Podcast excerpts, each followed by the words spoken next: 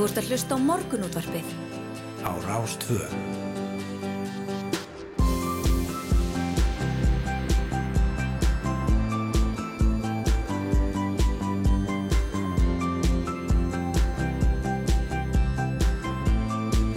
Morgunútvarpið Á Rástvö. Jú, góðan og blessaðan daginn, hér heldur morgun útarpað af stað miðvíkudaginn, Ja, 7. miðvikudaginn, já. september.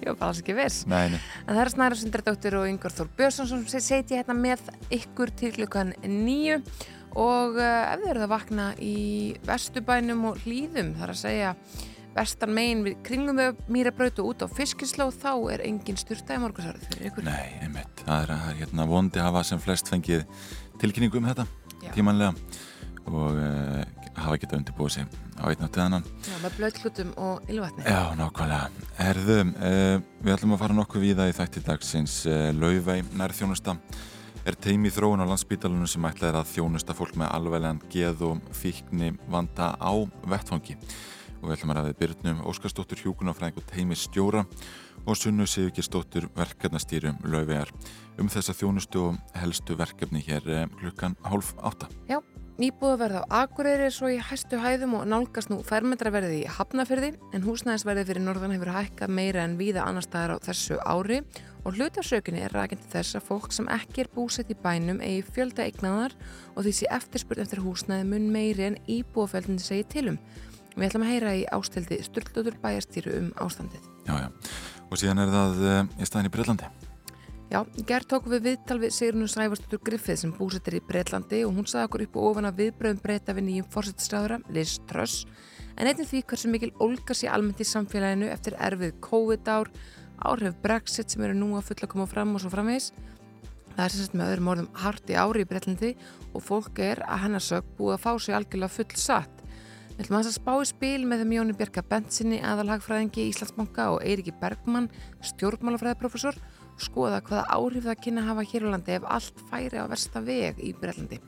Bara dýrtíð, uh, kreppa og, uh, og jafnvel sko mótmæli og, og verkföll og svo framvegis. Já, já, já. En um, að Efruðsvæðinum, Hilmar Þór Hilmarsson, professor við Háskólan á Akureyri, skrifaði að greinum Efruðsvæðið sem að hans mati hefur ekki fengið mikla umræðum undanfarið.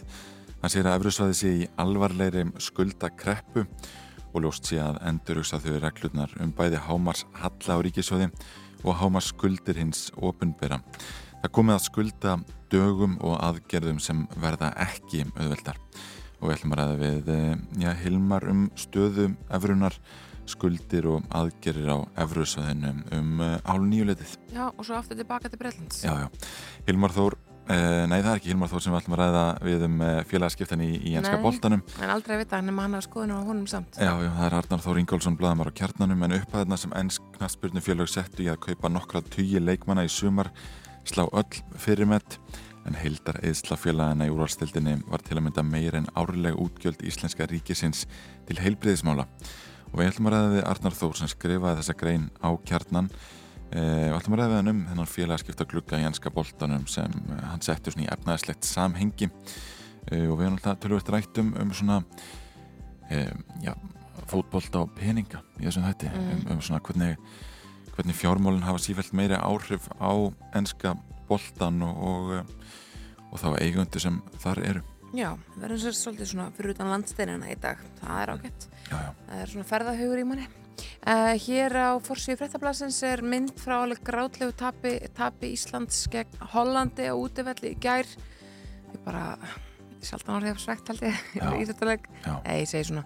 En þetta var, uh, þetta var bara ótrúlega framistæði á okkar konum Mm. og Sandra í markinu bara kona leiksins held Já, ég, já, í- bara hugum allra, hún var alveg mögnuð þannig að hérna, þetta var það var ótrúlega svekkjandi þessar 90 sekundur sem að þarna skiptu sköpum til þess að hollendingarnir koma honum loksins í, uh, í skeitin Já, já, og nú þarf Ísland að fara í umspil um sæti í lokakefni. Það verður dreigið á föstudaginn kemur þar en íslenska liðið situr hjá í, í fyrstu umferð vegna góðs árangus í undankefninni og spila því hreinan eh, já, úslita leik um HM-sæti þann 11. oktober kemur hér fram í, í morgunblæðinu og það eru helmingslíkur á að hann fari fram á lögutarsvellinu. Já, við ætlum að, að tala við stelpunar ef við myndum hafa betur í þessari viðrögn ákveðum að leifa þeim að kvíla sig fyrst að þetta fór eins og það fór en ég fekk skilabóð frá starfsmenni KSI sem sagði við heyrums bara alltaf einmitt. þannig að það er það já, já. Já. Um, en hér á fórsvíð fréttablasins þá líka tala um það að byggðlistar sem COVID-faraldurinn skapaði á landsbytarlunum stittist afar hægt um, hér er rætt við Ragnar Hilmarsson grunnskólakennara sem að býður eftir liðskipta aðgerða á nýja sem að lengist stöðut þar sem að byðin lengist stöðut, ekki er betra. en uh, en uh, hann undrast það að það sé ekki að gera þetta eitthvað annars þar, bara klínikinni eða, eða eitthvað svona, já, eitthvað enga stofu út í bæ Já, það er alltaf, alltaf þetta, þessi núningur þessi, þessi um, landsbytala enga, Mhm. enga gera núningur sem að, að hérna, er eitthvað þar fastur á okkur pólitískum vilja.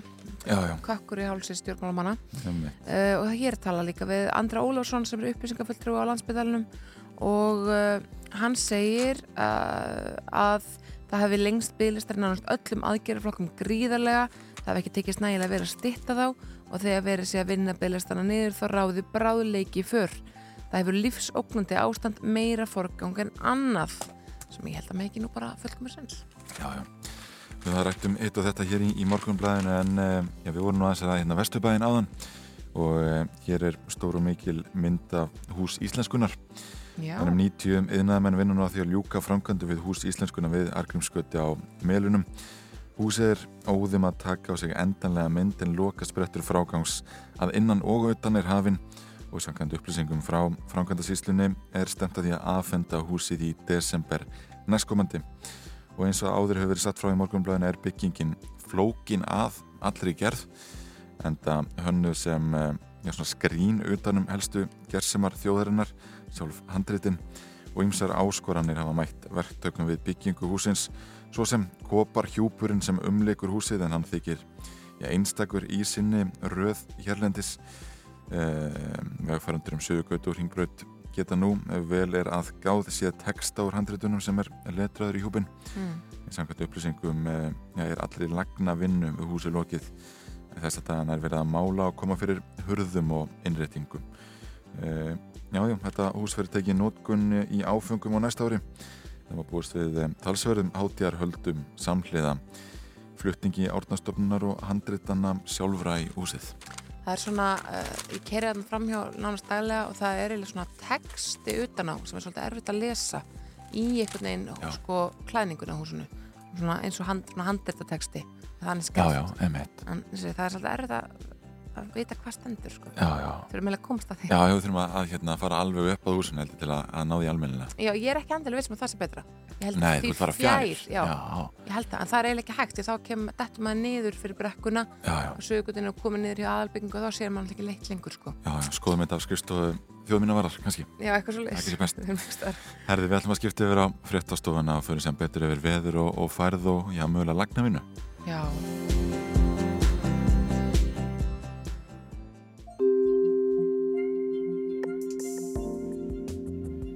Kristján Jóhansson, Hótel Grímsborgir.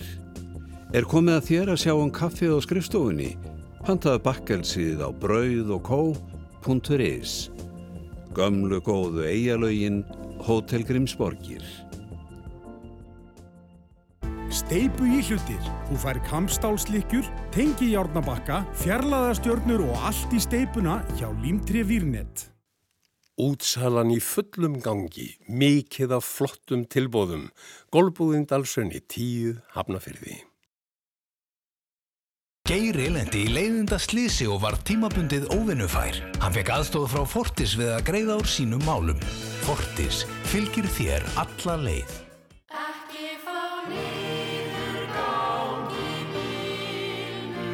Niðurgangurinn gengur yfir. Kvimleið enkenni hefbundinar magapestar líða yfir á einum til tveimur dögum. Kynntu þér hvað er til ráða á helsuvera.is og hvort eða hvenar þú þurfir að heimsækja okkur. Heima er pest, heilsugjæslan. Veldu fallegt gólefni sem endist og endist. Epoxy er slítsterkasta gólefni sem völ er á. Kynntu þér málið. epoxygolf.is Prófaðu snjallara heyrnatæki. Heyrnastöðin kringlunni. Opnum klukkan átta. Gæði þjónusta ábyrð. Það er tengi.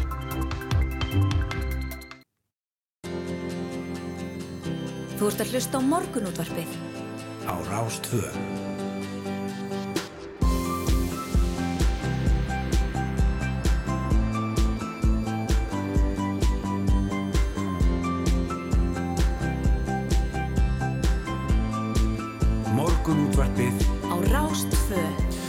Morgunútvarpið býður, góðan dag með ykkur 7. september. Eh, Það eru sjöfrættir að baki og Yngvar Þór og, og Snær og Sindari Dóttir sem ætla að setja hérna með ykkur til klukkan nýju og bjóða upp á eitt og annað. Já, það er kannski vert að taka það fram fyrir þau sem að búa vestan kringlumirabrautar hér í Reykjavík að það er hittavarslaust og verður hittavarslaust til að minnstakosti átta þannig að það er bara engin styrta í morgunsárið Nei. það er ekkert að fara í sund á svæðinu nei. það er bara hérna fólk það bara að, að já, annarkot að ákveða að vinna heima eða láta sér að linda að mæta óstyrta Já, já, þetta einhvern veginn breytir alveg mótninum þegar maður kemst ekki í uh, styrtu. já maður, maður er töl, tölur til riðgæðri Já, maður er ykkar. Þannig, já. svo eru ákveðna kynsluðar sem baða sér kannski bara eins og tvisar í viku Já, já, einmitt. Það er líka bara svo ágætt ekkert í því að, að fjölskylda þeirra vil ekki hitta þau neitt Já, það vonum alltaf að svo styrta eigi sér ekki stað á miðvíkudagsmótnum. Nei. En uh, já, við ætlum að bjóða á hitt og þetta. Við ætlum að ræða enska félagaskipta gluggan en upp að þarna sem ensk knæspurnufélag settu í að kaupa nokkra tugi leikmanna. Já, Hildar Eðslan er til að mynda meir en árlegu útgjöld Íslenska ríkisins til heilbreyðismála. Við ætlum að ræða stöðun á Evrusvæðinu við Hilmar Þór Hilmarsson, professor á Háskólinu á Akureyri. Hann segir að Evrusvæði sé í alvarlegri skuldakreppu. Það koma skuldadögum og aðgerðum sem ekki verða auðvildar.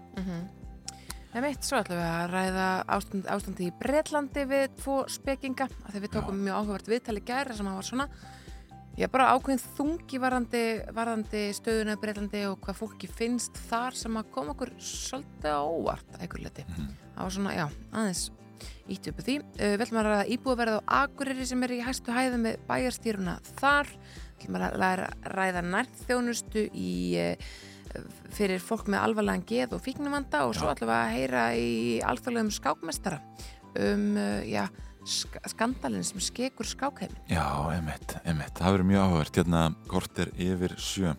En við lítum aðeins á, á vef uh, veðustofunar. Þá segir hér í uh, já, hugleðingum veðurfræðings að séu hægir vindar og víða bjartviður í dag. En sumstaðar þóku bakkar við sjáasíðun og dálitil rigning suð austan til síðdægis. Á morgun nálgast læð með úrkomusvæði af Grænlasafi og fer þá að rigna við vesturströndina og síðar einnig sunnan til en ennast bjart með köplum og þurft að kalla. Ef við lítum hér á, á kortið þá eh, hitti er svona á bylinu já, alveg 11 til 16 stig eitthvað svo leiði sem eitt eh, þegar við erum aðeins komin inn í daginn og eh, já, bara svona hérna mildu dagur og, og, og fallegur held ég Já, að það er ég líka. Hér að við vegagerðunar er líka eitt og annað, uh, það eru framkvæmdir og vegna framkvæmda í dag það verður tveimur akarum lokaði austur átt á ringbraut við gatnamót Vassmýrarvegar. Beigju akarinn til norðurs og samleikjandi akarinn verður lokað frá 6 til miðnættis í dag og þar verður hraðið tekið niður og svo Suðvesturlandi er unnið, við, unnið að viðgerð á brú ekki unnið við, ekki? Já. Allavega uh, yfir lags á í kjós og þar maður búast við umfyrirtöfum bara frá núna uh, mótninum og fram á kvöld. Uh, fram á kvöld á morgun, takk fyrir mér þess já, og það er unnið að lagfæringu á slillagi á Haldán fyrir vestan og á Dýnjandisheiði er líka klæðingavinna sem búast má við umfyrirtöfum þar. Á Suðurlandi eru þrengingar á gatnamatum Suðurlandsvegur og Biskupstungnabrautar vegna nýja ringdróksin sem að þar er verið að búa til og hálundunum allar helstu leiðir opnar þannig að þetta er bara allt eins og það á að vera nákvæmlega en þetta er I'll Walk With You og Hildur And your heart is blue when your eyes are still red. I will stand with you when the night is still black. And your heart is blue when your eyes are still red. I will stand with you. And when breathing is rough, I will wait for you until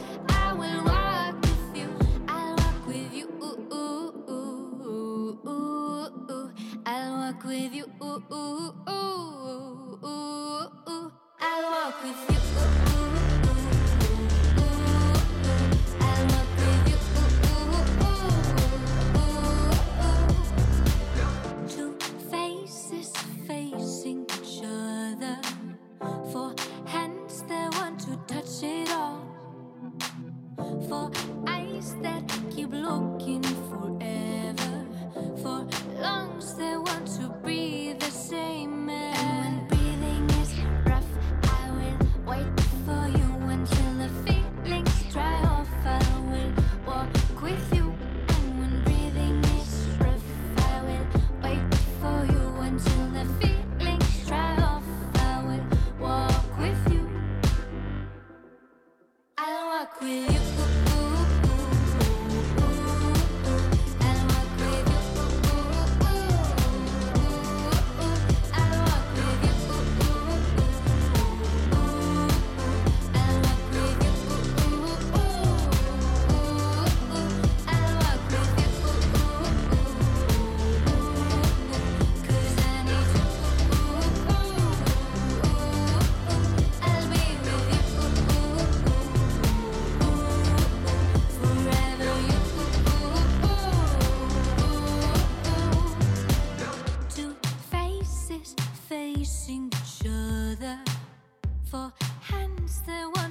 Touch it all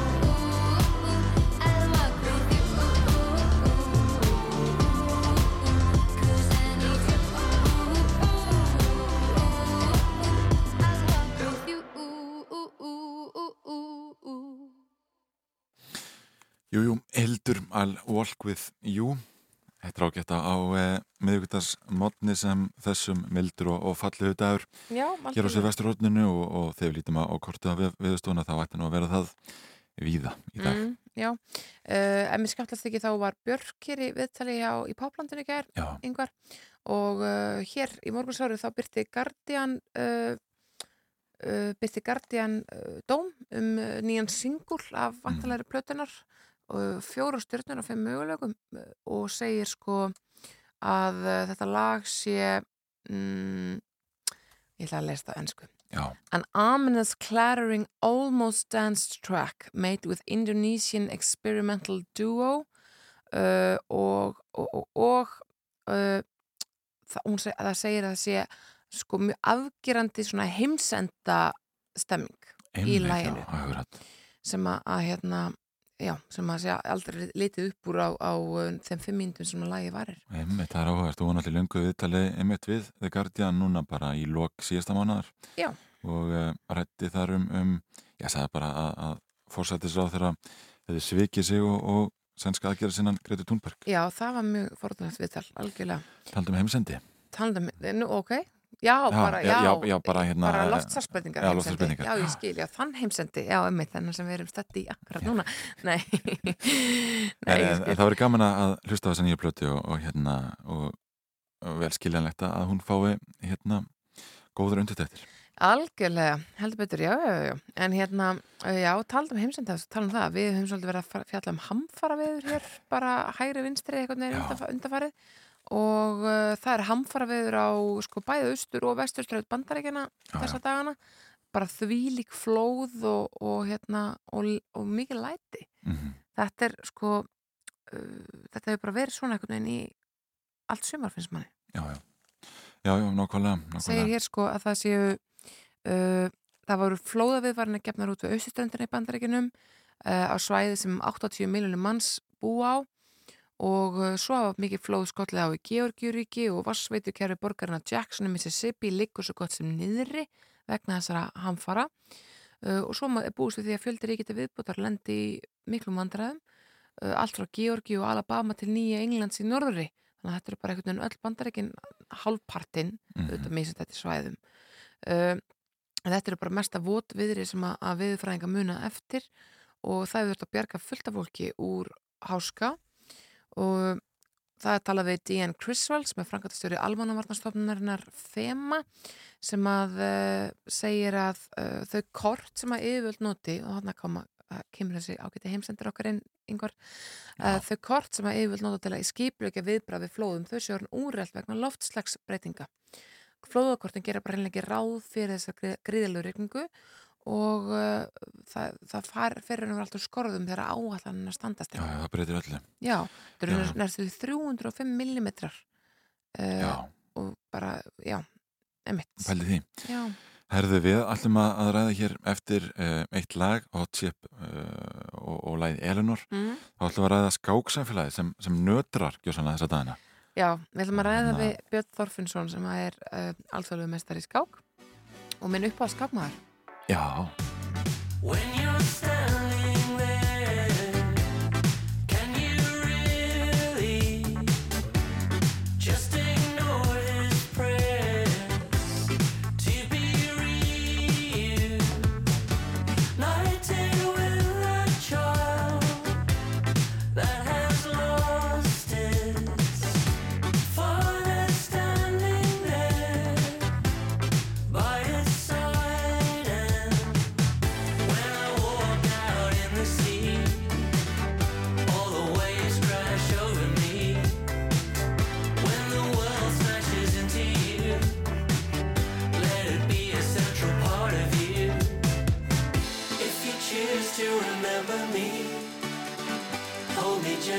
As you fall asleep.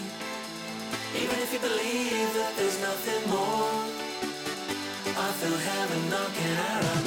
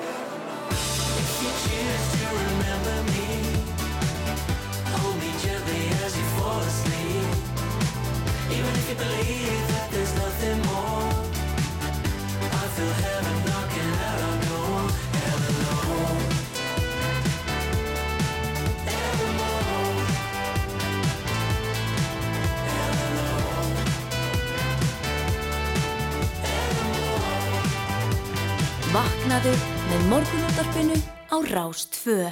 Jú, það er á þetta fullir að alþjóða skák, skáksamfélagi nötri þessa dagana, þessa stundina eftir þá ákverðun Magnúsar Karlsson ríkjandi heimsmeistara að hætta í miðju syngveld skákmótinu sem hefur fram í bandarækjunum þessa dagana og á línunni hjá okkur er Björn Þorfinnsson minn allar uppáhald skákmaður, góðan daginn Góðan og það. Sko, uh, ha, hann gefur í skinn, Magnús Karlsson sem er þessi mikla, svona, mikla ungstyrni í skákheiminum að einhverju leiti að mm Mhm. þarna sé hann að draga sér hlið af því það sé eitthvað, það séu brögð í tabli.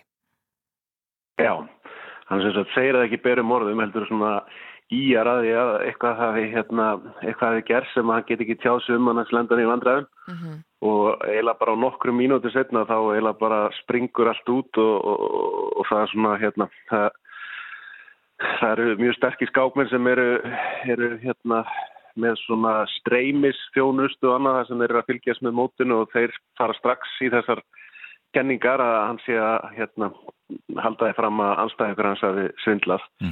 Og það eru nú bara verður allt villust ég, ég geti ekki líst í öðru því. Þannig að hérna þannig að þetta er búið að vera alveg hérna rússipanna reið síðustu uh, tvo daga uh, þetta mál. Já, já.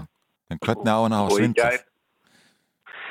Sko það, það er nefnilega uh, að því að hann sem sagt segir ekkert, hérna, ekkert frekar um það sko en, en það hafa komið upp uh, mál sagt um svindl í, í, jafnvel á efsta stíi sko það sem að uh, það sem í raun og veru það er bara verið að koma þá upplýsingum til skákmanna í miðri skák og hérna og, og til dæmis eiginlega bara öllum skákmótum líka hérna á Íslandi að þá eru sko skákinnar í beinni útsendingu og bara ef þú kæmist í síma.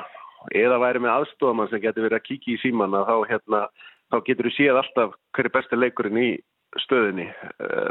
Sem sagt frá bara mjög öflugri tölvu þannig að það er það er svona mikil hætta og svona svolítið paranoia í skákinni mitt um þetta atrið og, og það er eiginlega svolítið svona uh, það er svona mikil bylting að gerast einmitt í tí að að passa þetta sko bæði svona öryggisreglur og líka að hérna sem sagt, skákmenn séu uh, alls ekki í samskipti við þá áhærundur eða, eða eitthvað aðstofamenn meðan skákinni stendur. Sko, ok, við getum ímynd, að þetta verður strax svolítið svona hérna njósnaralegt af því að augljóslega situr skákmaður á móti anstæðingsingunum og þetta er ekki eins og í póker þar sem hann veit ekki hvað hann er með á, á hérna hendi, hann sér hvað anstæðingurinn er að gera sem svindli einhvern veginn pínlítið undarleira, erum við að tala um eitthvað svona lítil tækin í eirað, hvernig er hægt að fá þessar upplýsingar frá, frá Já, sko. þeim sem að fylgjast með?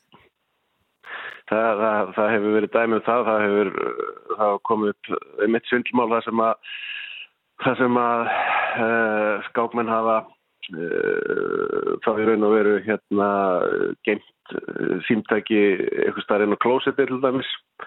Það hafa frækt dæmi sem kom upp en, en eins og ég takið alveg fram að það er, það er í raun og veru ótrúlega sjálfgeft að þetta gerist og þess vegna vekur þetta alltaf mikla, mikla aðtegli en þetta er svona eitthvað sem að, hérna, menn hafa sífælt meiri áhyggjur af og, og alltaf stemma stigu við og, og það, það er líka til dæmis hérna, uh, það var eitt mál sem að koma upp það sem að það var eins og að vera að fá eitthvað svona rafskilabóð sko það sem að vera hérna, eitthvað aðstofum að hérna, að gefa honum vísbendingar um hvað þetta hérna hvað þetta leika og slíkt sko þannig að það ímsa, ímsa leiðir ef menn eru hérna, frumlegir í hugsun en, en hérna en, en það sem að er í þessu máli er sko að þetta er á algjörlega efsta stíi og það eru gríðarlegar örgisreglur þarna úti menn það er leitað á mönnum fyrir skák með málmleitatæki og, og slíkt sko þannig að svindl þarna er því, er því gríðarlega erfitt og hérna og Og það sem hefur gerst í þessu máli núna er að í bara sent í gæra þá hérna þá lauk sem sagt eh, fimmtu fyrir mótsins og, í kjölfari var þessi Hans Nýmann sem er bandarækki stórmeistarinn sem Ma- Magnús tapaði gegna að þá uh, fór hann í alveg bara rosalegt viðtal þar sem hann hérna uh, tjáði þessu um þetta og hérna og það eiginlega svona let engan ósnortin hann bæði hérna viðurkendi það sem er svona það sem hefur skapað þessa hérna tortrykning gagvartónum að hann viðurkendi það að þegar hann var 16 ára þá hann svindlað á eh, sem sagt á netinu. Þá var hann hérna stærsti skáklubur heims á netinu chess.com og þeir sett hann í bann af því að það þeir eru með svona hérna algoritma eða eh, svona tölvu sem að metu bara það að hann, hann teldi of, of mikið eins og tölva í einhvern tilvikum. Já, já. Þannig að hann var settur í bann þar og, og hann, hann viðurkendi það sem mestu mistök gæfi sinnar og svo var hann búin að vera reyna hérna að eh, bæta ráð sitt síðan og, og, og ég eiginlega upplega sjálfur og er á þeirri skoðun að, að núna sé eiginlega boltinn svolítið hjá Magnúsi Karlsson að því að hérna eh, staðan er þannig að núna við finnst hann líta ítlút og hans ákvörðun sko að hérna hafa hafa dreigið sér í hliða því að hann hefur ekki sínt fram á neinar sannaninn í að slíkt heldur bara hérna hætt í fússi sko þannig að það er eiginlega svolítið staðan núna Já, já, hann er bara mögulega bara tapsár. Já, sko, hann, hann, hann er ekki, hann er alveg tapsár, það, kannski fylgir því að vera eitt svo besti í, í heiminum í öllum íþróttum að vera hérna ekki trefin að því að tapa og hann tapar sjaldan en, en hann hefur samt aldrei, aldrei hægt í móti, aldrei hérna gert nokkuð þessu líkt og þess vegna kannski vakti þetta líka svona gríðarlega aðtegli sko. Já, en sko mótæriðan sem að vann hafið betur og, og hérna, hann er mjög litrikur karakter Er ekki, það er ótt að segja það, kannski óvinnu litrikur fyrir hennar bransa eða eitthvað Já, hann er, já, já, það eru, það eru mjög margir litrikir í, hérna, í skákinni en hann er eiginlega alveg á toppnum hvað það varðar, sko, og hann er, hérna, og hann er svona, hann er svona, uh, hann kemur svolítið svona óvænt upp að því að, hérna, í skákinni er það hann að þú ert bara eiginlega orðin öldungur ef þú ert ekki orðin stormistari svona 16-17 ára. Og hann og hann hérna, hann í raun og veru er ekkert sérstakur þegar hann er orðin 17 ára gammal en svo núna tveimur uh, rúmum tveimur árum á meðan svona COVID stendur að þá hérna að þá eh, lýsir hann í sjálfur að hann hafi ekki gert neitt eh, nema hérna vera inni á sér og panta mat og sér bara búin að vera stútera og uh, hérna æfa sér í skák núna í tvö ár. Og hérna og hérna og, og það meðal annars skýri þess að gríðalegu framfari sem hann hefur tekið því að hann, hann kemur einhvern veginn bara uh, upp úr engu og verður hérna einna sterkur skákmönum heims á núna bara nýlega sko. Þannig að hérna þannig að þeir lítan svolítið hotnuða bestu skákmön heims en, en, en það sem er þú, þú, þú kemst mjög illa upp með, með uh, sko uh, eitthvað skona svindla því að hérna, eftir hverja skák til dæmis þessu móti þá er teknir og alveg grillaðir sko bara hérna, að lýsa sko akkur í leggstu þessu og leggstu þessu og menn hafa verið að hérna, hann er að lýsa hugsunum sinum í skákinni og hefur gert eitthvað svona örlítil mistök og menn hafa stokkjað það og sagt bara að hann er greinlega svindla, hann vissi ekki hvað hann var að gera Já. þannig að hérna, hann er undir alveg ótrúleiri pressu sko það er svona eins og til dæmis í gæra þá, þá geraði jattefli hérna, og var með tapaða stöðu og geraði jattefli við mjög sterkan skákmann hann er að hérna, mér fannst það eiginlega bara ómannlegt undir þeirri pressu sem hann er að hann hafi ekki tapað þeirri skák sko. Já, þetta er mjög spennandi mál. Fyrir kannski heyrið þér aftur, Björsi, ef að það, ef að það hérna, gerist eitthvað spennandi. Björn Þorfinnsson, skákmestari, takk kærlega fyrir að vera á línunni hjá okkur. Já, það takk. Ó, þetta er alveg útrúlega spennandi og sérstaklega eftir að maður horfði á hana, Queen's Gambit, ekki það ekki? Jú, jú, það, það er svona kveikt undir mörgum sko. en síðan er hans nýmann svo, svo mikil típa eh, sko, með þetta mikla, þessa miklu krullur Já. og svona stari í augu anstæðingsins hérna, hann að, já, það er lífi skákinni Það er eh, bara algjörlega aldrei verið meira. Við erum að skipta yfir fréttastofuna að heyra frétta yfirlit og koma svo að vörmu spori. Já, ræðum uh, laufau, geðubriðis þjónustu Þú ert að hlusta á morgunútvarpið. Jú, jú, frétta við litað baki og morgunútvarpið heldur hér áfram yngvar Þóru Snæru Sindradóttir með ykkur til klukkan nýju en laufau nærþjónusta er teimi í þróun á landsbítalannu sem ætlaði að þjónusta fólk með alvarlegan geð og fíkni vanda á vettvangi.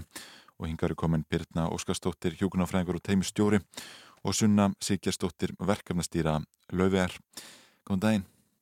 Góðan daginn, takk fyrir að bjóða okkur að koma. Já, hva, hvað hérna segið okkur aðeins frá, frá þessu verkefni þessari þjónustu, hva, hvað verður til þess að laufau er stopnuð?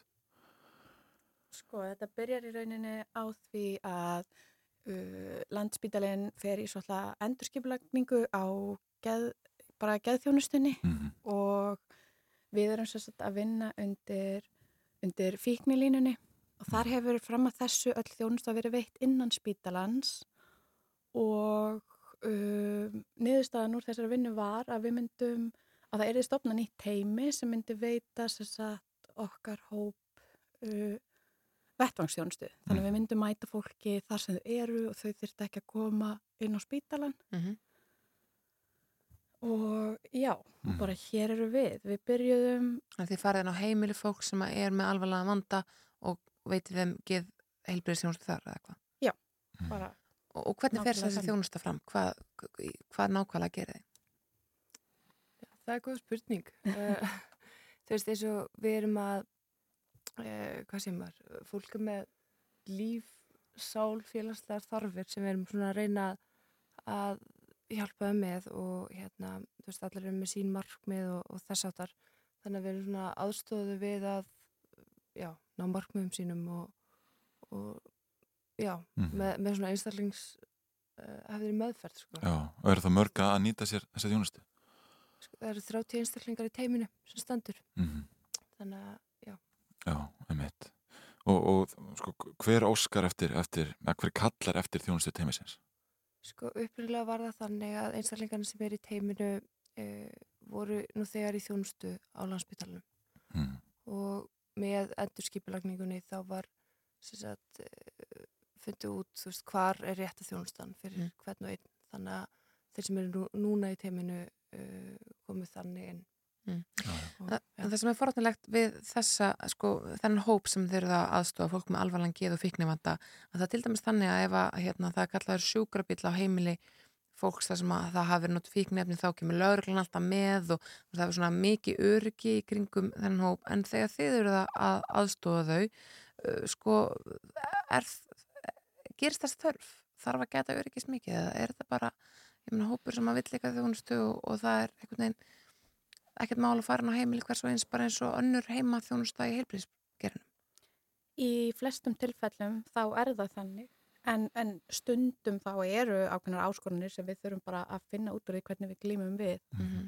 og markmiðið eru þetta að veita öllum bara þjónustu heima hjá sér á þeirra forsendum svo að Mhm. það sé ekki þörf fyrir aðkomu lögreglu um leið og veist, um leið og það er einhver þörf á einhvers konar svoleiðis nálgun að þá einhvern veginn eru við ekki alveg að ná okkar markmiðum og alveg Nei. örglega ekki heldur uh, skjólstæðingarnir okkar. Nei, en maður getur ímynd sér um leið að laurugluna mættu svæði að þá verði er svona, já, geti, geti orðið hérna ekkert mjög svona rólegt andrúrslótt, mm. skiljið mig Nei. Það er samt kannski mismunandi að því lauruglan alltaf vinnur oft með það markmið aðstofa fólk Mhm.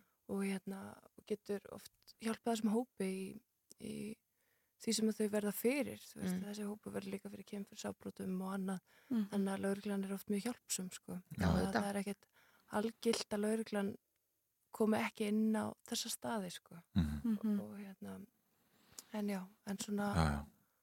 En það er oft verið talað um svona ákveð úrræða leysi sem, sem enginn er þennan hóp sem er að díla bæði við, við gera vandamál og, og fíknu vanda. Er það ykkar einsla þegar þið eru að, að ræða hópina að, að einhvern veginn skorti úrræði? Já, í raun sko, veist, það er ástæðan fyrir að við erum að þessu. Við erum að reyna að einhvern veginn uh, aðlaga heilbriðisþjónustu betur að hópnum. Veist, eins og með þennan hóp, eh, nú talaði tólti svona í alhæfingu en það náttúrulega er ekki alveg þannig, en margir eiga kannski erfitt með að koma inn á sjúkrásið. Þú veist, bæði er uh, geta átt erfitt með bara að mæta í fyrirfram bókaða tíma uh, eru kannski ekki í húsnaði og eiga þá uh, kannski erfitt bara með að, að sinna átöfndalis lífs, þú veist, að, að fylgjast með klukkan hvað tímin er og Mhm. hvernig átt að mæta og svo leiðist, þannig að uh, já, þannig að þetta er bara liður í því að reyna að bæta og veru. Hvar getið þið mætt þessum hópi sem er ekki í húsnæði? Það er mjög góð spurning. Við erum einmitt, sko, þetta hefur alveg verið áskorun og við höfum ekki alltaf fundið bara viðegandi stað til að sinna helbreyðstjónustu í þeim aðstæðum um, og frá upphafi þá hefur okkur langað til þess að vera fyrst að finna út úr í hvernig við getum mætt þessum hópi þó auðvitað væri ákjósanlegast að þau hefðu húsnæði en við erum núna sérst að vinna í því að fá uh, bíl, svona sambarilegan frú Ragnheiði Mhm. Til þess að geta bóði fólki að hitta okkur í honum. Mhm. Þannig að þú veist, þá getum við allavega komið með örugt rými Mhm. og hérna hlýtt. og næði Já. Það fólk, það er ofta erfitt að, að bara fá að tala einn við einstaklingin Mhm. þú veist, ef hann er á förnum vegi og þú veist, líka bara við erum á litlum svona fólksbíl þú veist, og það er kannski ekki alveg príma aðstæð Nei. Það er bara smábíl. Með skeiðum rúðum Já, já. en hérna, já, og við eh, hérna, fengum nýsköpunarstyrk frá heilbreyðsánitinu, bara Mm. núna í hvað síðast mánu Já, bara til þess að keira þetta í gegn en það er náttúrulega Já. já. en, og við erum mjög þakklátt fyrir það og bara Já. við erum virkilega ánar að sjá meðbyrjun sem við erum að fá þetta er hópur sem að sem að greinlega sko fólk vil þjónusta vel bara almennt og það er útrúlega gaman að fá fá svona styrk og mikil viðurkenning fyrir hópin sko. Já, já, einmitt. Það var tekið viðtal við í, í tímarætti hjúgrunafræðinga þar sem þú varst að spyrja út í það sko út í neyslu ópjóviða Já. sem hefur, hefur fæst í aukana á undanverðnum árum. Er það hérna mikil vandi sem er að, að byrtast ykkur? Eh, vissulega er það að einhver leiti veist, mikill vandi en við erum með gaggrindar viðhalsmeðferðir þannig að eh, það er ótrúlega mikið reynsla komin á sagt, þau verkfæri sem við höfum til að hjálpa fólki með uh, ópjóðafík. Mhm. Mm það eru til uh, viðhaldsmeðferðir og veist, við erum með nalóksón til að breyðast við ofsköndun og þú veist, núna er það orðið aðgengilegra heldur en það hefur verið. Þannig einhvern veginn þó að þetta sé opuslega krefjandi fíkn þá eru við líka með miklu fleiri verkfæri til þess að hjálpa fólki heldur en til dæmis þeim sem að kannski nota mest örfandi eða Já.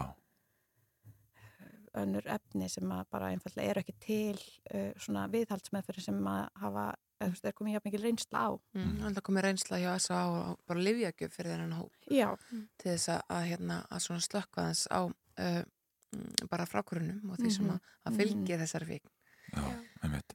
En því að fá þennan ný, nýsköpunastyrk núna frá heilbriðisaðanindinu, hvað tekur núna við hjá teiminu á næstu mánuð? Við erum bara núna að vinna í að gera útbóð til þess að við getum hérna, sagt, fengið þennan bíl og svo skilst okkur að það séu svona alls konar framleyslutafir sem eru líka áskorun í því að koma þessu í gegn en, en planið er bara að fá sendibíl sem að er í góður stærð og uh, innréttan þá eins og bara einhvers konar þú veist, bæði þannig við getum veitt uh, heilbreyðstjónustu bara við líkanlegum kvillum og uh, svona notast við hann sem viðtalsrými Mm. og Geðheilbriðstjónust á hjólum já, Mhm. já og þú veist, ekki alveg sjúkrabíl en svona eitthvað Já. eitthvað þannig Nákvæmlega. Þetta er mjög áhugavert og veldum áfram að fylgjast með þessu verkefni Birna Óskarsdóttir og Sunna Sigjarsdóttir. Takk fyrir að kíkja til okkar í morgunúttarpið. Takk fyrir okkur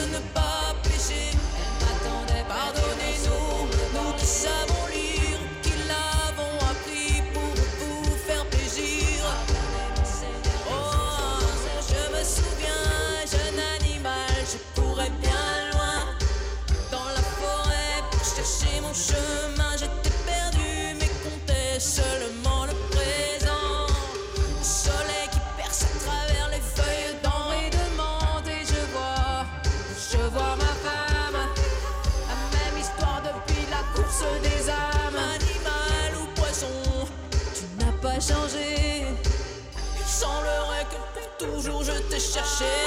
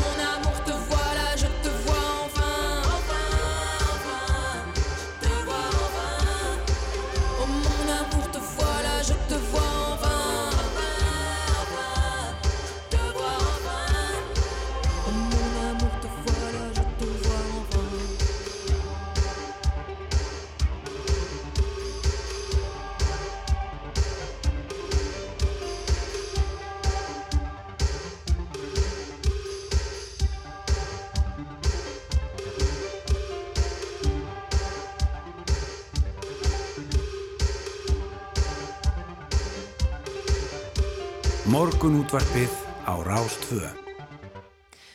Jú, jú, þetta er Christine and the Queens með Je te vois en vin. Já, glæsileg framfyrir. Ég ætlaði að spyrja hvort það hefði tekið frönsku í mættaskóla og getið þess vegna búið þetta fram. Ég hef aldrei tekið fransku í mentaskóla og þetta voru örugglega alveg umulegu framburður en uh, ég bara þakka Sigga Gunnars fyrir að setja þetta í lista hjá okkur. Já, já, einmitt, það, að maður verður bara að keira á, á þessi hérna, erlenduna. Já, það, Það er eina bara ekki, ekki hugsa þetta og mikið bara Segja segja þetta. öryggi Já. og þá hérna halda öll að þú talir bara fransku. Te vois en fin. Mm. Uh, en um, við erum komið á línun hjá okkur ástildi Sturlóður bæjarstýru á Akureyri og ástæðan er svo að íbúðverð á Akureyri er í hæstu hæðum og nálgast nú fermetraverði í Hafnaferði. Góðan daginn ástildur. Góðan daginn. Sko, uh, það hefur hækkað mikið hjá okkur og jafnvel hlutvarslega meira heldur en annar staðar. Uh, í fréttablaðinu gæri er, er þetta rakið til þess að það sem mikið af utanbæja fólki að kaupa eignir á Akureyri. Er þetta með öllu rétt? Já, þetta er, þetta er staðan eins og við eh, finnum manna vera hjá okkur og, og við höfum svo sem funnit fyrir lengi en það er náttúrulega greiðlegur áhugi hjá utanakomandi aðlunum að eignast íbúð hér og ansið mörg stjættifölug sem eiga íbúðir hérna á Akureyri. Mm Náttúrulega Einn vinsilasti sögumardvalarstaður Íslendinga er hér fyrir norðan Já, já. og uh, fjárfestar og svo bara einstaklingar sem vilja eiga sér annan heimili. Já, já. En hvernig horfur þetta við unga fólkinu á Akureyri sem er að reyna að kaupa sér eign þar og, og það er einhverjir, einhverjir fjárfestar og Reykjavík sem er að, að kaupa sér íbúður til að, að eiga auka íbúð? Það er náttúrulega að sjálfsögðu þungt eins og náttúrulega er alls þar það sem fastina verður að hækka. Þá er þetta að sjálfsögðu erfitt fyrir unga fólki sem er reyna að kaupa sína fyrstu eign. Mm -hmm. Hafið þið eitthvað skoðað þetta í bæjastjórninni eða bara, já, hvort það setja bregðast eitthvað við með einhverjum hætti eða eh, hvort, hvort, hvort eitthvað hægt að gera, ég meina, er eitthvað hægt að gera? Nei, það er ekki þetta að gera. Við höfum, a- a- þetta hefur náttúrulega verið margóft rætt í, í sveitafélögum þar sem áhugi e, e, utanakomandi aðila á húsnaði er mikill og þannig pressa á fastegnamarkaðanum. En e, bara lögi, lagaramir leifur okkur það ekki. E, þú veist, sumir hafi verið að, að, að hækka og lækka útsvarið og, og hækka fastiningjöldin en, en við höfum ekki farið, farið í neitt slíkt og höfum ekki stend á það. Nei. En, en e, það hefur verið rætt sumur leiði sem e, hérna fyrir löngu síðan var talað um tómthúsgjald og voru margir sem e, höfðu áhuga á því. Þannig að það væri hærri fastiningjöld á, á húsnaði þar sem ekki væri först búsita. Já, já. Þannig að, að við þurfum að sjálfsögðu útsvar til þess að standa undir rekstri uh, sveitafélagsins og, og, og við fáum fastinni göld til þess að standa undir uh, enna, líka undir rekstri sveitafélagsins, gatnakerfinu og sorpurðinu og allir þessu. Þannig að bærin stækkar og stækkar en við kannski erum uh, íbúa fjölguninn en nú kannski ekki alveg í, í, í takti við, við íbúða fjölgunina en, en, en samt sem áður fjölgun. Þú, ta- þú talar um þessar hugmyndir um að, að, að sé gjöld fyrir það að vera með tóm hús. Er það eitthvað sem þér finnst eskilett?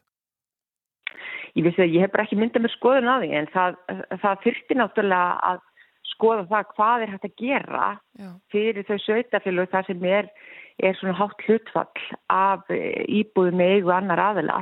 Þú veist, ég finna Reykjavík borg er að sjálfsögðu með þetta, er kannski ekki alveg jafn há hlutfalli og, og, og við, en, en þó það var áhugavert að, að, að, fá upplýsingar hjá borginni hvernig þetta er hjá þeim.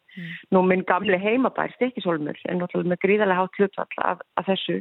Margir minni eh, staðir allt í kringu landið eru með þetta líka þar sem húsin hafa ekki selst undir fasta búsætti heldur heldur eh, undir e, e, ferðarþjónustu eða sem sumardalarstaður eða bara sumarhús fyrir, fyrir gamla íbúa. Og svo varstu þetta sveitistjóri í Vesturbygg þegar að hægt var að kaupa veginn hús og bíldudal bara á brunna útsölu á konum tímbili og svo allt einu var bærin uppseldur. Já, nú, nú er það bara þannig að fastina verið þar hefur markvaldast Já. og, og e, e, ná, það er til dæmis gríðarlega áhugavert að sjá það hvernig fastina verið hefur sko sjálfsagt 20-faldast í einhverjum tilfellum eh, þar á, á, á á síðastlinum uh, 10-12 árum.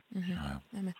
Sko, uh, þú segir að þú hefur ekki hérna, myndað skoðun og því hvort það ætti að- rukka fólk fyrir að hafa tóm hús en, en, en sérðu, ég meina með alla þessa insýn sem að við erum að fara einn yfir, sko sérðu Mhm. fyrir þér að það sé hægt að gera eitthvað sem að, sem að ég meina auðvitað á fólk á eitthvað nátt rétt á því að kaupa sér eins margar, eins margar eignir og það vill ef það vill dvelja já. sumurinn á Akureyri en, Mhm. en annars staðar Mhm.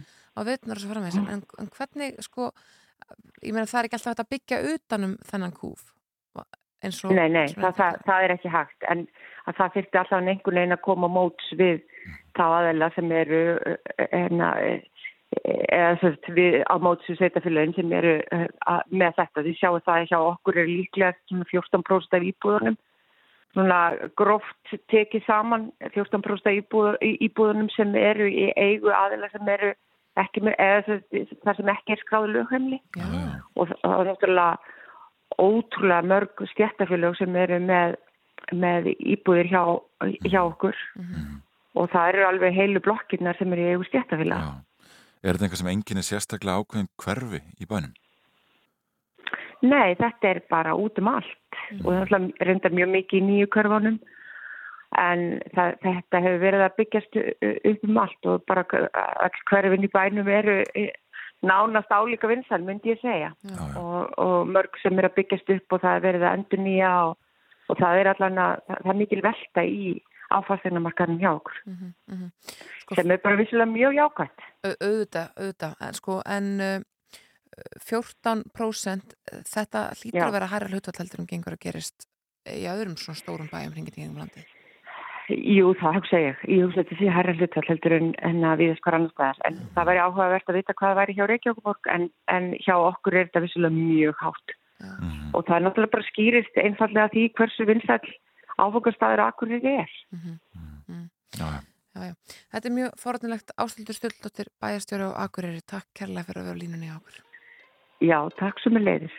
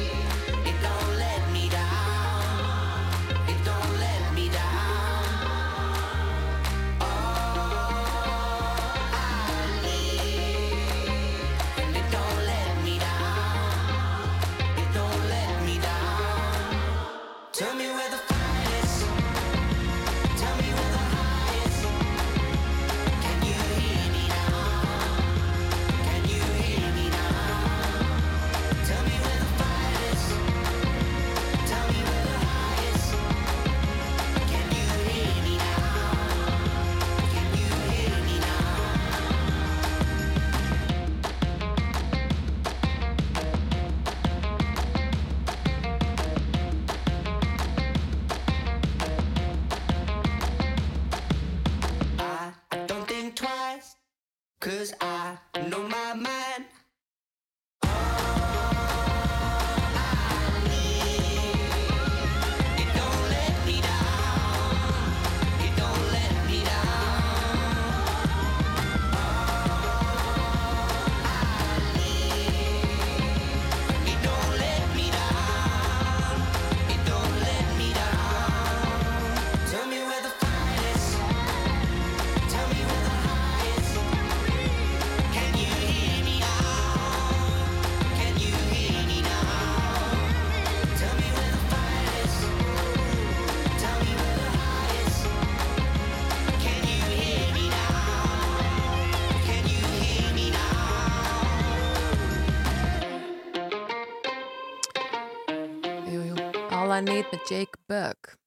Það steytist nú í áttafréttir hjá okkur yngur en ég er að frétta, fletta fréttablaðinu. Ég er að Frétta flettablaðinu.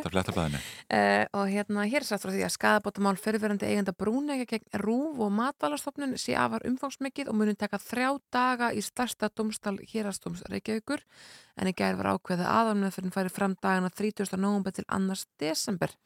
Þetta er sko stefna og greinagerð félagana Bala og Geisis sem hljóður upp á 157 blaðsjur og hlustanum vel, þau keftu kröfuna af þrótabúi brúnegja sem fóru gjaldtrótt skum eftir umfjöldum kveiks. Þetta er sérst málið þess að maður fjallað um slæman aðbúnað hænsna uh, og ekkin var auðlist sem mistvæn að þess að uppfylla þau skilur og uh, það er talið, þessast forsvarsmenn þessari fyrirtækja telli að fréttaflutningurinn hafi verið rángur og að mast hafi farið út fyrir valdsvið sitt við upplýsingagjöfti rúf.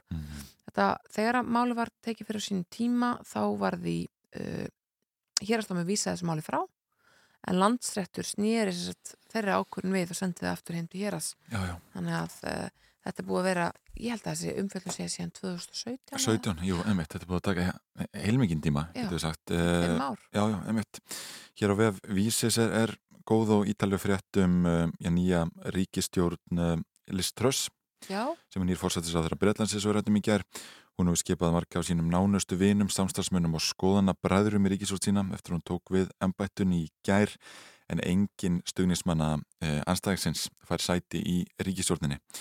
Nú, eh, já, ríkisvordninni er að hittast á sínum fyrsta fundi í dag áður en tröstmæti síðan í þingill að svara spurningum þess í fyrsta sinn sem fórsættis á þeirra. Það er alltaf stemming í Prime Minister's Questions. Já, það er bara Ha. kraskursi þegar ég var fórstæðsraður á fyrstu mínundunum Já. til maður ræða þetta betur hér eftir áttafréttir Þú ert að hlusta á morgunútvarpið. Á Rástvö.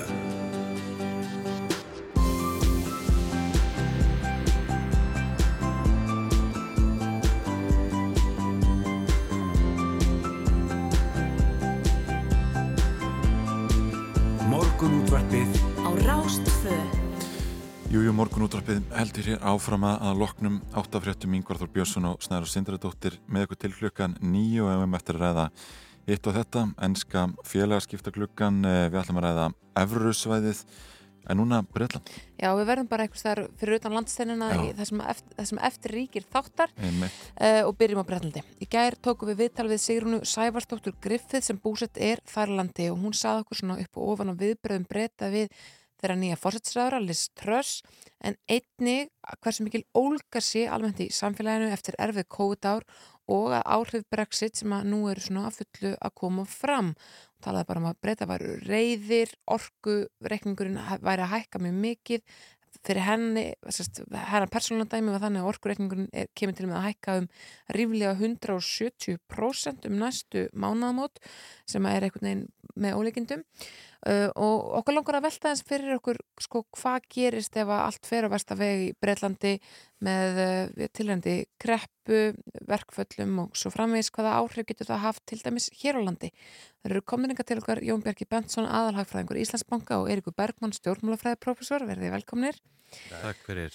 Uh, lýsingarnar í þessu viðtali gær myndu bara einhvern veginn á svona, já, eitthvað ástand sem að, að ríkti Breitlandi hérna kannski þegar Thatcher var fórsætsræðara Liz Truss er svo mikil aðdándi Thatcher, sko við byrjum þarna er ykkur, erum við að fara að sjá eitthvað skonar speilmynd eitthvað skammast tíma í Berlandi?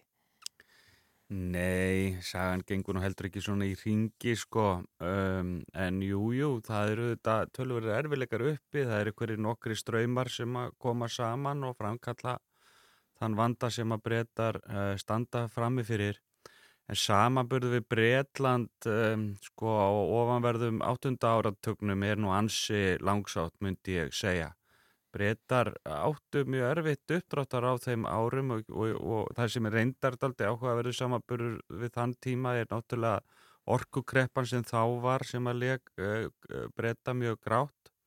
En það var líka ákveðin svona menningabilding í landinu Mhm. uh, á þessum tíma. Það var mikið uppgjör við uh, svona hefðarhyggjuna bresku og nýju ströymar sem að voru að koma fram og svona einhver ný útgáfa af Breitlandi var þarna e, að brjótast um. E, sko það voru líka atvinnulíf var í tölverðum fjötrum og það var svona það var svona margt sem að, að gekk á. Og ég myndi segja að flest af því sem einkendi þann tíma að þýleitunum til eigi ekki við uh, um tímana í dag. Hins vegar er liströðs að taka við á erfiðum tímum. Það eru kannski eh, svona eh, þr, sko, þrent sem að gerist í einu sem framkallar eh, vandamálið.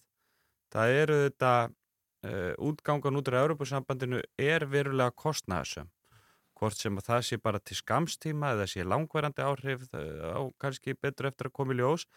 En til skamstíma er þetta mjög kostnæðasum aðgerð og sá kostnæður er að byrja að býta núna. Mm -hmm. síðan er það sko faraldurinn sjálfur. Þar voru aðgerðið með þeim hætti að, að hann var alveg einstaklega kostnæðisami fyrir breyta Svo bætist núna við áhrifin af styrjöldinni og það er nefnilega svo sérkennlegt að þrátt fyrir að, að hagfræðingur kannski útskýri það betur fyrir okkur og eftir. En e, það sem er mjög staðtilisvætti það er að þrátt fyrir að breyta síðu kannski minna háður en margir aðri, mörg önnur ennur Európaríki e, rúsum hvað varðar orku að þá sko verða þær fyrir nákvæmlega sama kostnaðinum því að þeir eru auðvitað að kaupa þessu orku á heimsmarkaði eigi að síður og það er það verð sem að fyrir upp öllu valdi. Þannig að kostnæðurinn er nánast jafn fyrir sko breyta eins og fyrir, fyrir þjóðverja. Mm. Og uh, húsittun í Breitlandi er erfið, það er alls konar innviðir í Breitlandi sem að búa til mikinn kostnæð og þetta verður að svona aldrei stórfljó uh, svona fljóti sem að flæðir yfir Breitland núna.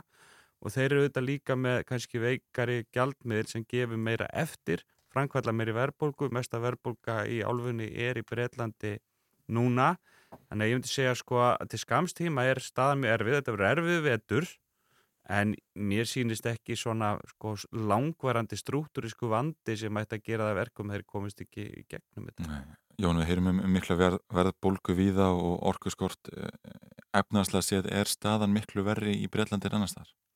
Sko það er svona núansera, það, er, það eru mismjöndi þættir sem eru veikustu punktar mismjöndi hækjörfa.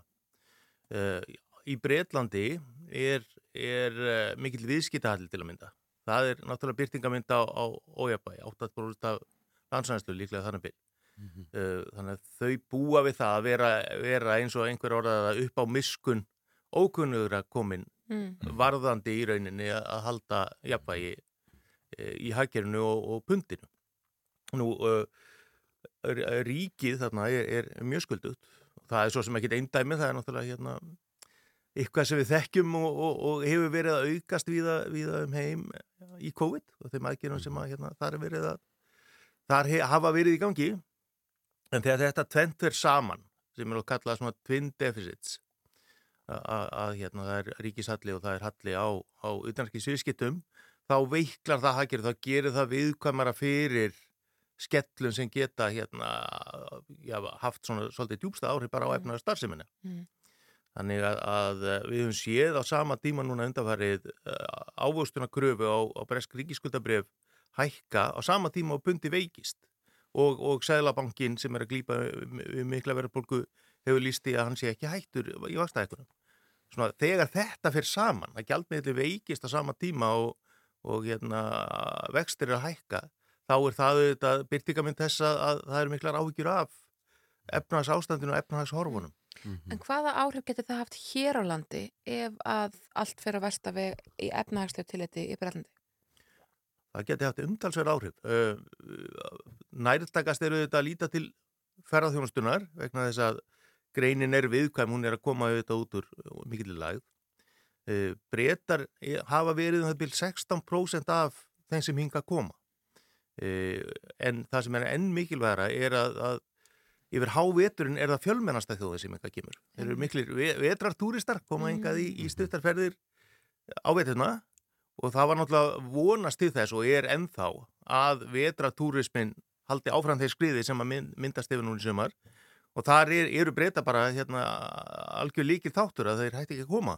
Mm -hmm. Þar ofan eru þeir auðvitað mjög myndalegu kaupandi okkar sjávarafurðum uh, og, og, uh, og þar hefur auðvitað hérna, mikil eftirsputna eftir sjávarafröðum haft mjög jákvæð áhrif á verðið sem hefur verið mjög gott fyrir okkur. Þannig að ef að verði einhverja verulega breytinga þar við hættum að, e- ekki það við losnum ekki við fiskin okkar þetta geti haft áhrif á, á verði tölvert þar. Og auðvitað ef það er koma ekki í, í hérna hótelin okkar og að nýta, nýta afþreyinguna og fara á veitingósin þá, þá mun það miklu fyrir grein sem að þarf sárlega á góðum ferðamannströmi að halda Þetta er, þetta er áhugavert og, og náttúrulega þannig að, að já, ríki heims einhvern veginn þurfa núna að, að takast á við þessar efnaðarslu afleðingar stríðsins heldur er ykkur að, að, Liz Truss sé svona, sé svona dæmi um, um eða sé, sé að þessi leiðtói sem, sem þjóðir eru að kalla eftir heldur sjáum fleiri típur eins og hana byrtast í, í stjórnbólum víðar í Evropu og, og mögulega hér á landi Já, sko, nú er hún á öðrum degi ennbætti. Uh, hún uh, hefur þetta list, líst sinni sín uh, nokkuð skýrt. En hún hefur verið í töluverðum átökum sem uh, við Evrópuríki mörg og einhverjum sérilagi vegna uh, málefna Norður Írlands og Írlands og þeirra, þess samkomulag sem að þar var gert.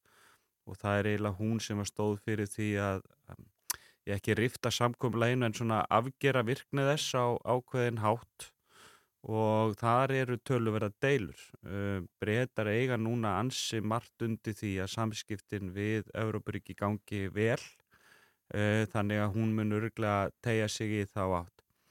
Liz Trust hefur sínt sig uh, vera sko, stjórnmálamæður þeirra gerðar sem getur tekið mjög skarpar beigur. Uh, sko, ef maður skoða bakurinn hennar þá var hún auðvitað uh, sjálf í frjálslind uh, hérna frjálslinda demokratafloknum mm.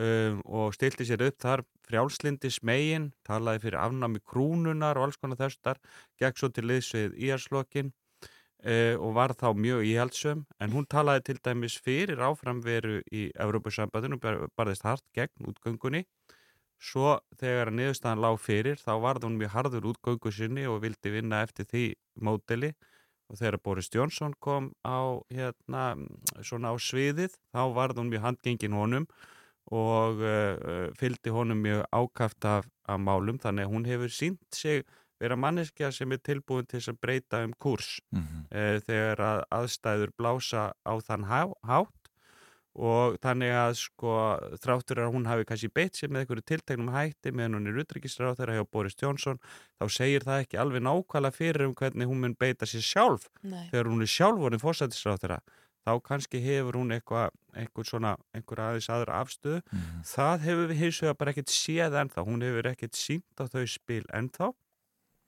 það verður áhugavert að sjá hvernig um, hérna fyrir spunnatímin í, í þinginu verður í dag hvað Mhm. þetta kannski varðar en við höfum séð það að, að Evrópu, leiðtóri Evrópuríkja hafa eh, kepst við að óska henni til hamingju með kjörið og óska eftir nánu samstarfi Uh, sko, Evrópa stendur eflaust og bara heimurinn allur frammi fyrir einum mesta vanda sem við höfum séð í, í sko mjög langan tíma sem er þessi innrásin í Úkrænu og þrátt fyrir það sé einfalt að taka afstöðu með Úkrænu og gegn Rúslandi og allir gera það vita skuld að þá er engin sko sérstök sko uh, hérna, er enga sérstakka hæfileika til þess.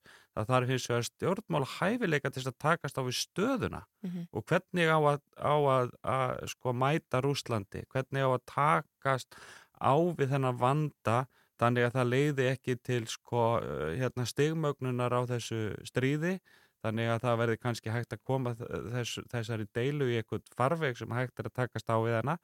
Það er bara allt annað mál. Það er ekkit mál að verða, vera að slá sér til rittara og stökku upp á skriðdrega og þykjast vera rosalega harður. Einmitt. en það er annað að, að sko sína stjórnvisku á alþjóðarsviðinu og reyna að, að miðla málum einhvern veginn þannig að, að, að hlutinir lægist og við höfum eftir að sjá hann að reyna sig í því og mér mun þykja það mjög spennandi að sjá hvernig hún mun beita sér í því því að það ein, verður einverðingu gert með samstiltu átæki helstu leiðtoga uh, heimsins. Það gerir þetta engin einn og sér. Jón Björki, ef að þú uh, svona í efnahagslu tilliti stæðir í spórum listtröst núna, hvert væri þitt fyrsta verk einhvern veginn, já, bara til þess að rétta á kútnum?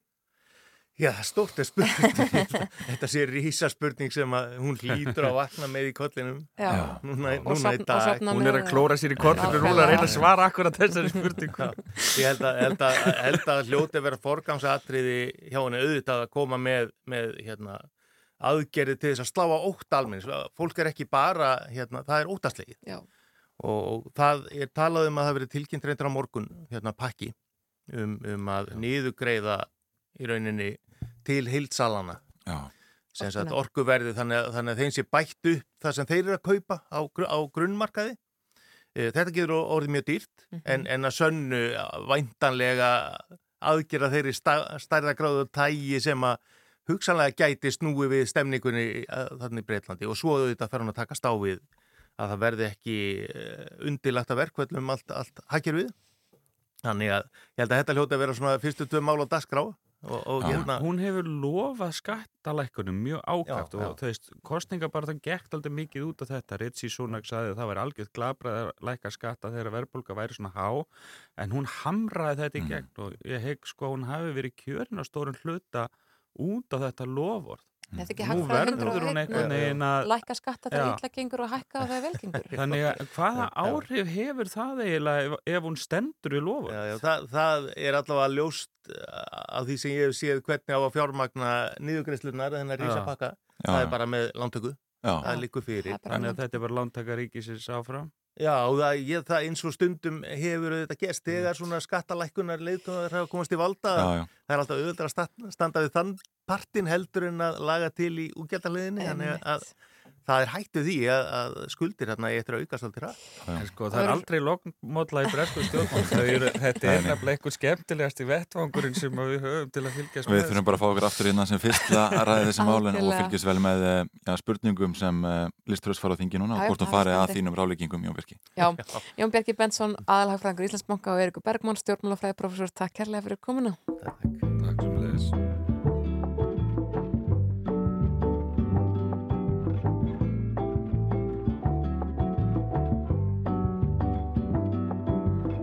out to a new city.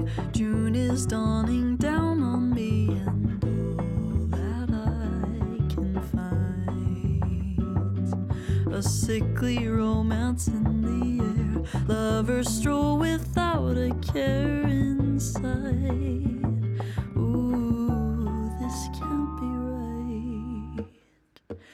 Cause the sun's engaged to the sky, and my best friends found a new guy. I'm only getting older.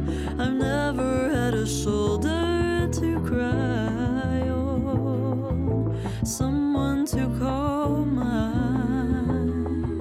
Everybody's falling in love,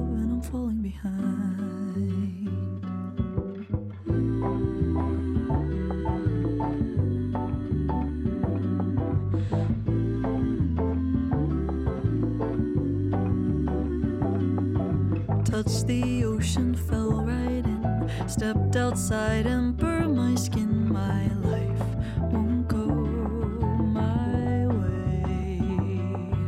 Bossa Nova in my room. Hope that I'll find someone to to love. Because the sun's engaged to the sky. My best friends found a new guy. I'm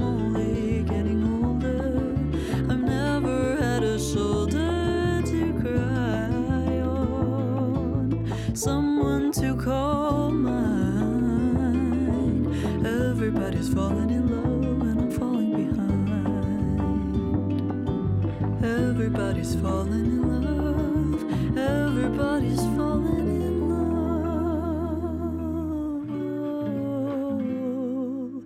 love. Everybody's falling in love, but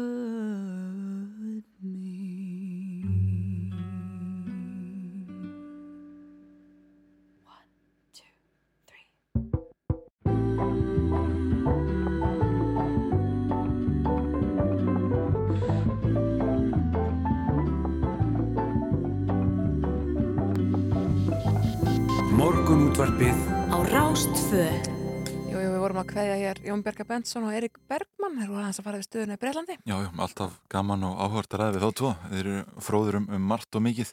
Já, og Og, tala, eh, já, gam, já, já, bara hérna mjög áhafir stað sem upp er í Breitlandi núna.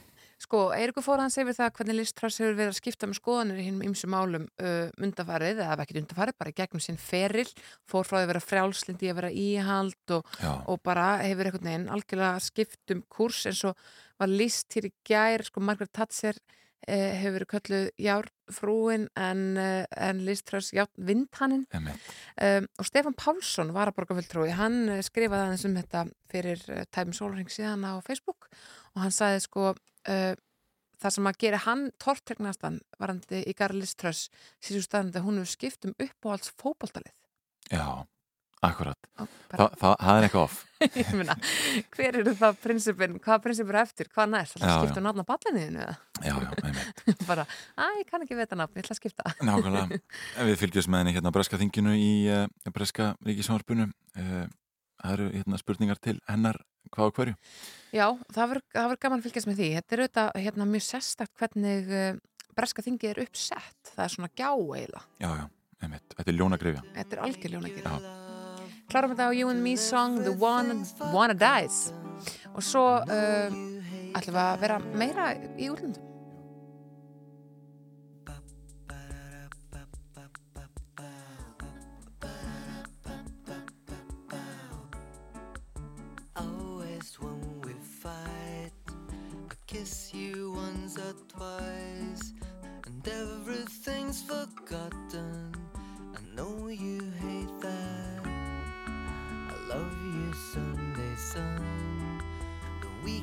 Yet begun, and everything is quiet,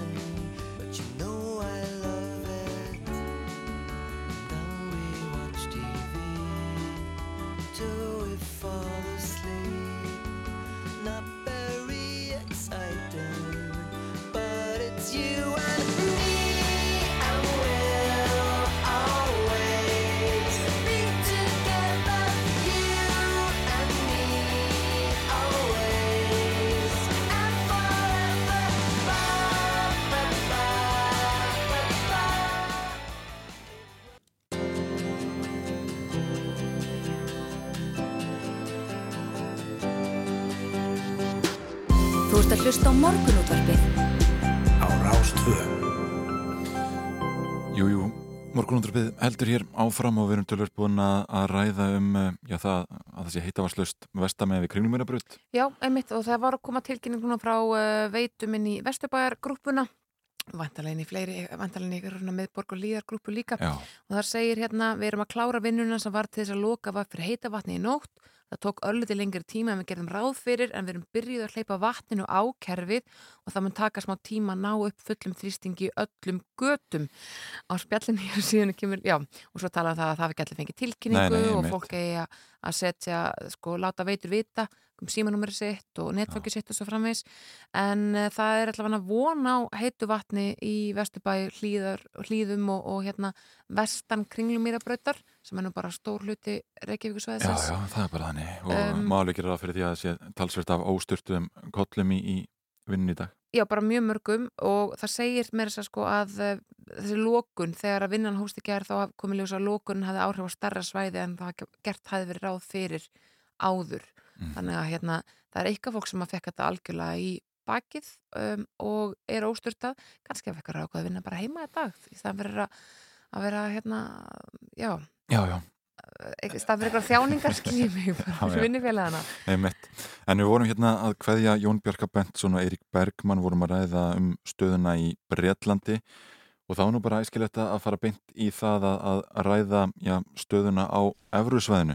En Hilmar Þór Hilmarsson, professor við Háskólan á Akureyri, skrifaði gerð greinum Evru svæðið sem að hans mati hefur ekki fengið mikla umræðu undanfarið og, og Hilmar er komin í hljóðverð á Akureyri. Góðan daginn. Góðan dag. Þú, þú skrifa nú það að Evru svæðið sé í alvarlegri skuldakreppu og, og að þurfi að endurhugsa einhversa reglur. Farðaðis betur í, í þessar hugmyndir? Já þá er alveg ljóst að, að sko Efrisvæðið er orðið, það er ákveðin lönd sem er orðið mjög skuldug á Efrisvæðinu og það sem mest ágefni er Ítalija sem er þriðastasta hækkerfi uh, Efrisvæðisins og Örbursambansins og svo eru löndi svo Spátn og, og Portugal og, og, og Gríkland og Frakland sem eru orðið mjög skuldug og vandamáli í þessu er það að Sko það, er, það, er, það var sett þessi regla að, að, að, að ríkishalli mætti ekki fara yfir 3% af verkefni landsframlýslu og, og, og skuldir ekki meir um, um frá 60% af verkefni landsframlýslu að það verða áföllaður hverju, það sem var að hugsa með að skrifa þessa grein sem, í, í, heiminum sem valda því að þetta fer allt úr skorðan. Við sjáum til þessu kreppuna 2008-2009 þá var hérna þannig að það var alheimskreppa og sem bitnaði harkala á Evrusambandinu og Evrusvæðinu. Og þá jöku skuldir mikið og, og þetta var skuldakreppa.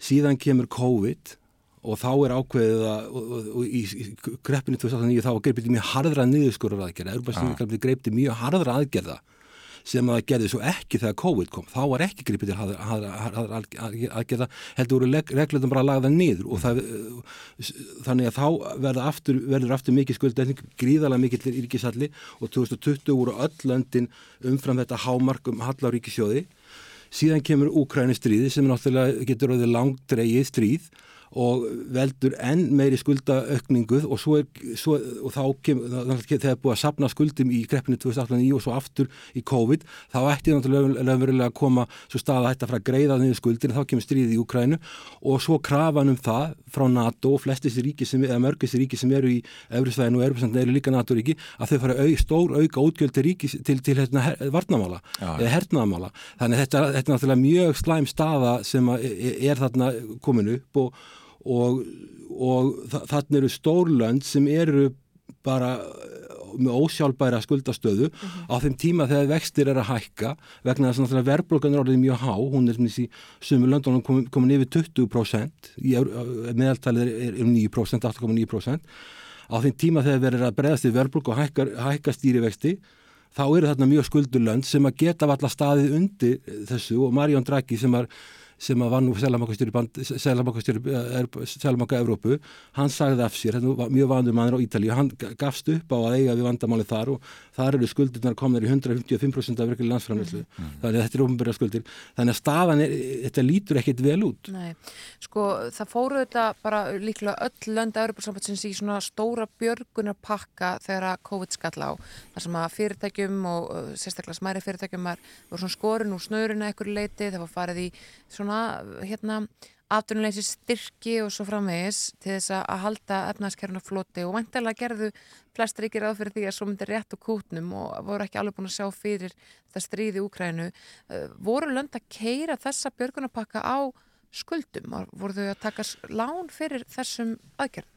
það voru gefin út uh, Eurobonds sem Európa sambandi gaf út uh, sem eru er öll löndinir að taka til þess sem síðan var dreift á löndin og þau sem höfðu mest að þörf fyrir fengu það. Þarna var samt, samstæðan það en Európa sem satt gefa út Eurobonds og, og taka, þetta voru eitthvað 750-800 miljardar evra sem var tekið til þess að aðstóða lönd og þetta er mjög ólíkt því sem gerðist til dæmis í kreppinu 2008-2009 þar sem löndum var skipað að skera niður mm -hmm. í fjármálarkreppinu þá en, en, en í COVID-kreppinu þá er verið gríma við heilsufarsvandamál sem hefur hærri forgang heldur en, heldur en fjármálarkreppa og þá var gripið til þess ráðs að, að, að, að gefa út Eurobonds og það, þetta, þetta hefur út af þessi virðingar framtak en, en náttúrulega þetta bytnar sko löndin sem er standa best inn efru svæðisins eins og eins og hérna Þískaland, Finnland, Holland og slíklönd og Írland, þau vilja ekki fara í þetta. En fátakari löndin og löndin sem fóru mjög illa út úr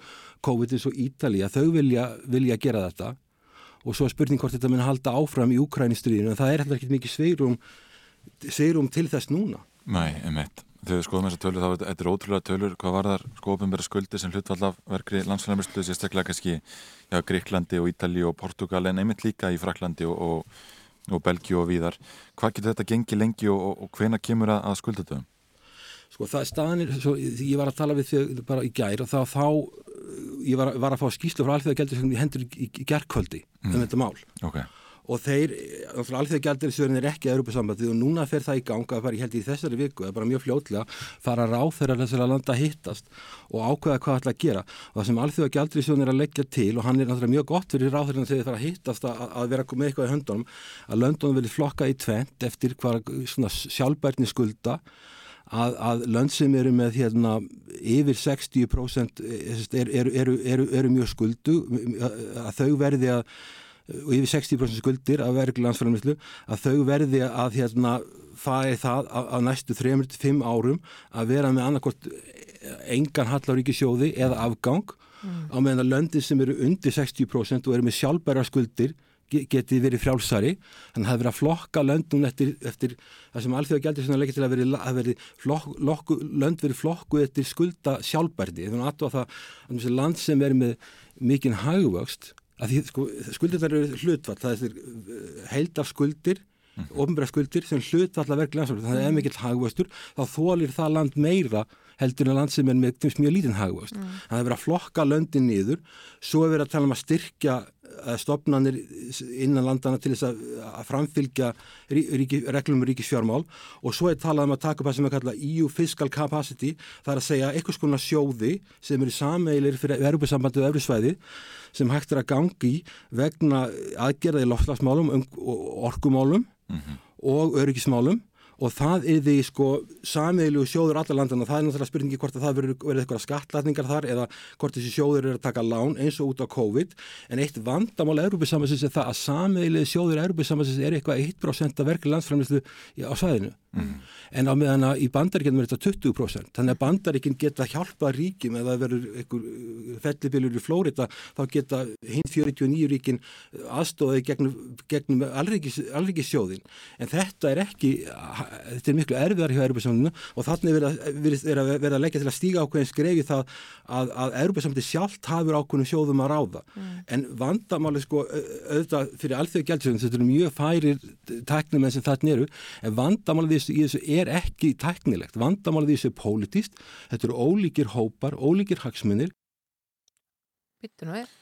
Baltasku löndi skulda mjög lítið og önnur skulda mjög mikið, löndið í Suður-Európu og þarna verða, verða mikil átök þannig að þetta snýst um samstilt átök og samstöðu en ekki um tæknilega lausnir þó að þessar tæknilega lausnir alþjóða gældur sem held ég sé mjög mikilvægar þegar byrjaðar að, byrjaðar að ræða þetta innan Európa saman það er mjög mikilvægt að fá eitthvað hlutlega svona aðeins til að gera svona úttækt, ég sá þetta bara í gerkvæmt þessu skýslu Mhm. að hérna vegna þess að þá að því,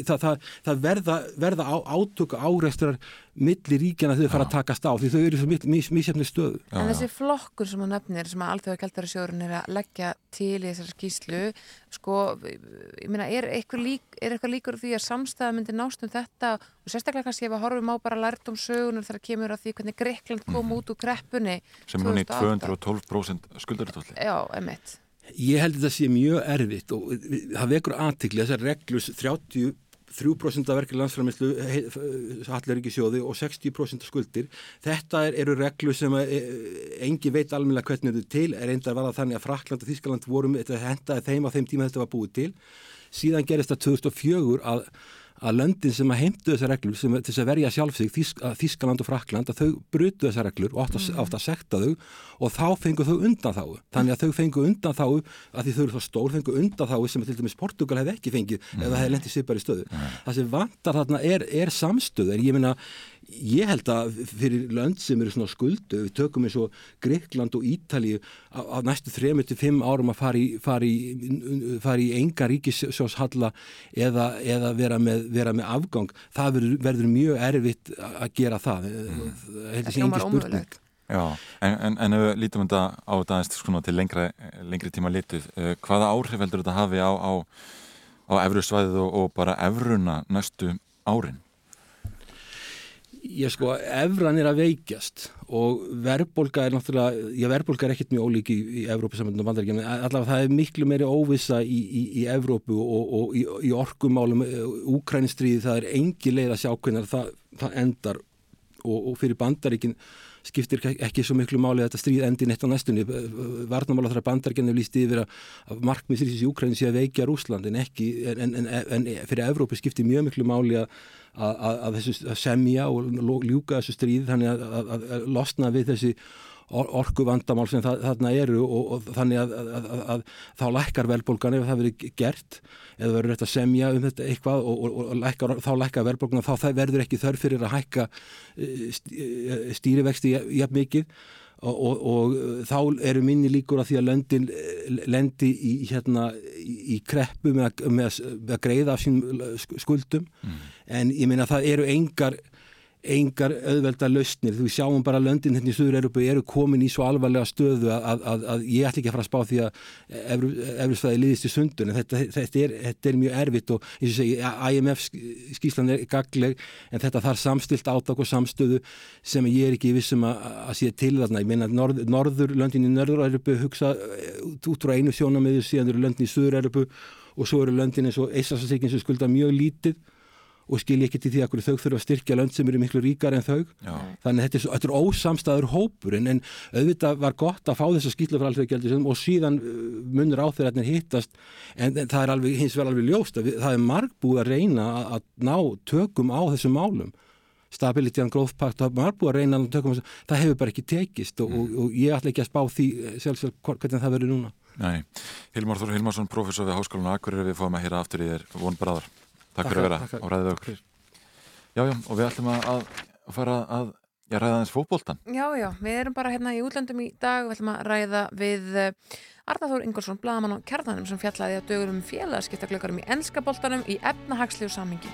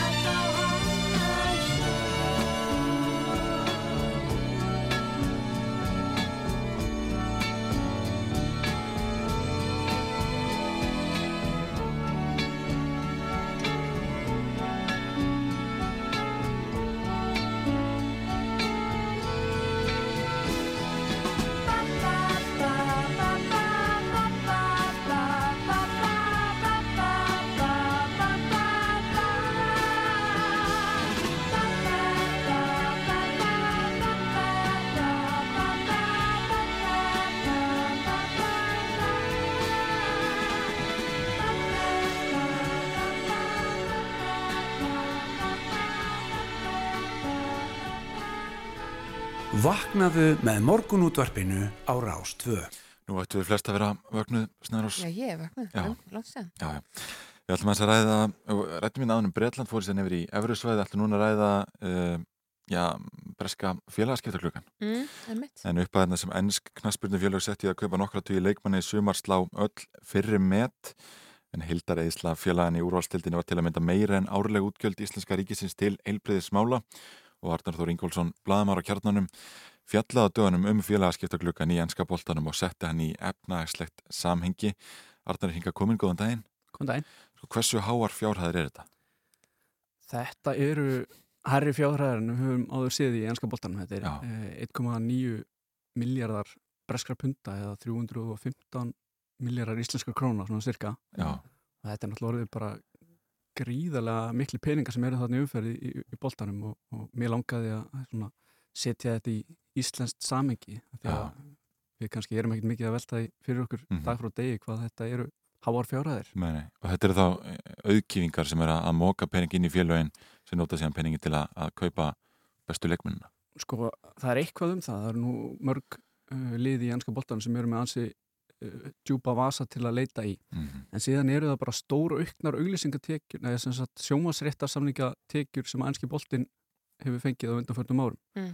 Það eru núna orðnar sko, fyrir, næst, fyrir þetta tímbil og næstu tvö og eftir þá eru þetta rúmir 10 miljardar punta sem eru um sko, hátt, á, hátt í hérna, 1700 miljardar íslenskar króna. Mhm. Og þetta dreifist nokkuð, svona, nokkuð jæmt á milli liðana sem að hérna, gefur mörgum tækifæri til þess að setja verulegt fjö í að kaupa nýja leikmenn og styrkja hópana. Já, já.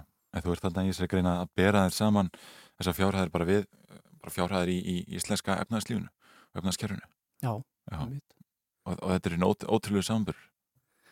Já, ég, ég veit það nú ekki. Þetta er, þetta er samt svolítið svona að setja þetta í samingi lætur maður, lætur maður svona hugsa þess um, Já, um já, sko, það sem að þessi fótbolti er orðin.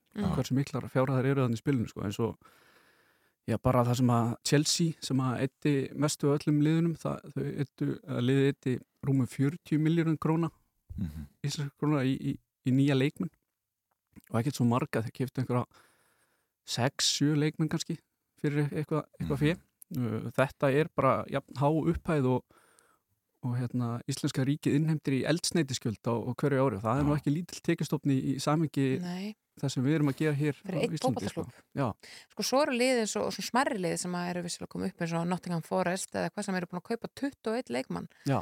Það er næstu tvö heil lið Já, en það lítur að kosta skildingin sko. það kostaði skildingin sko, þeir eru kannski ekkert að eða sérlega miklu í hvert leikmann en þeir eru að sækja ansi marga menn og, og svona í, einmitt, í þessu íslenska samingi þá hérna, eittu þeir sko 23 miljórum rúmum en það kostar uh, um 21, 22 miljard að hérna, reyka hvort um sig lögguna og, og að greiða í fæðingarólúsjó Já.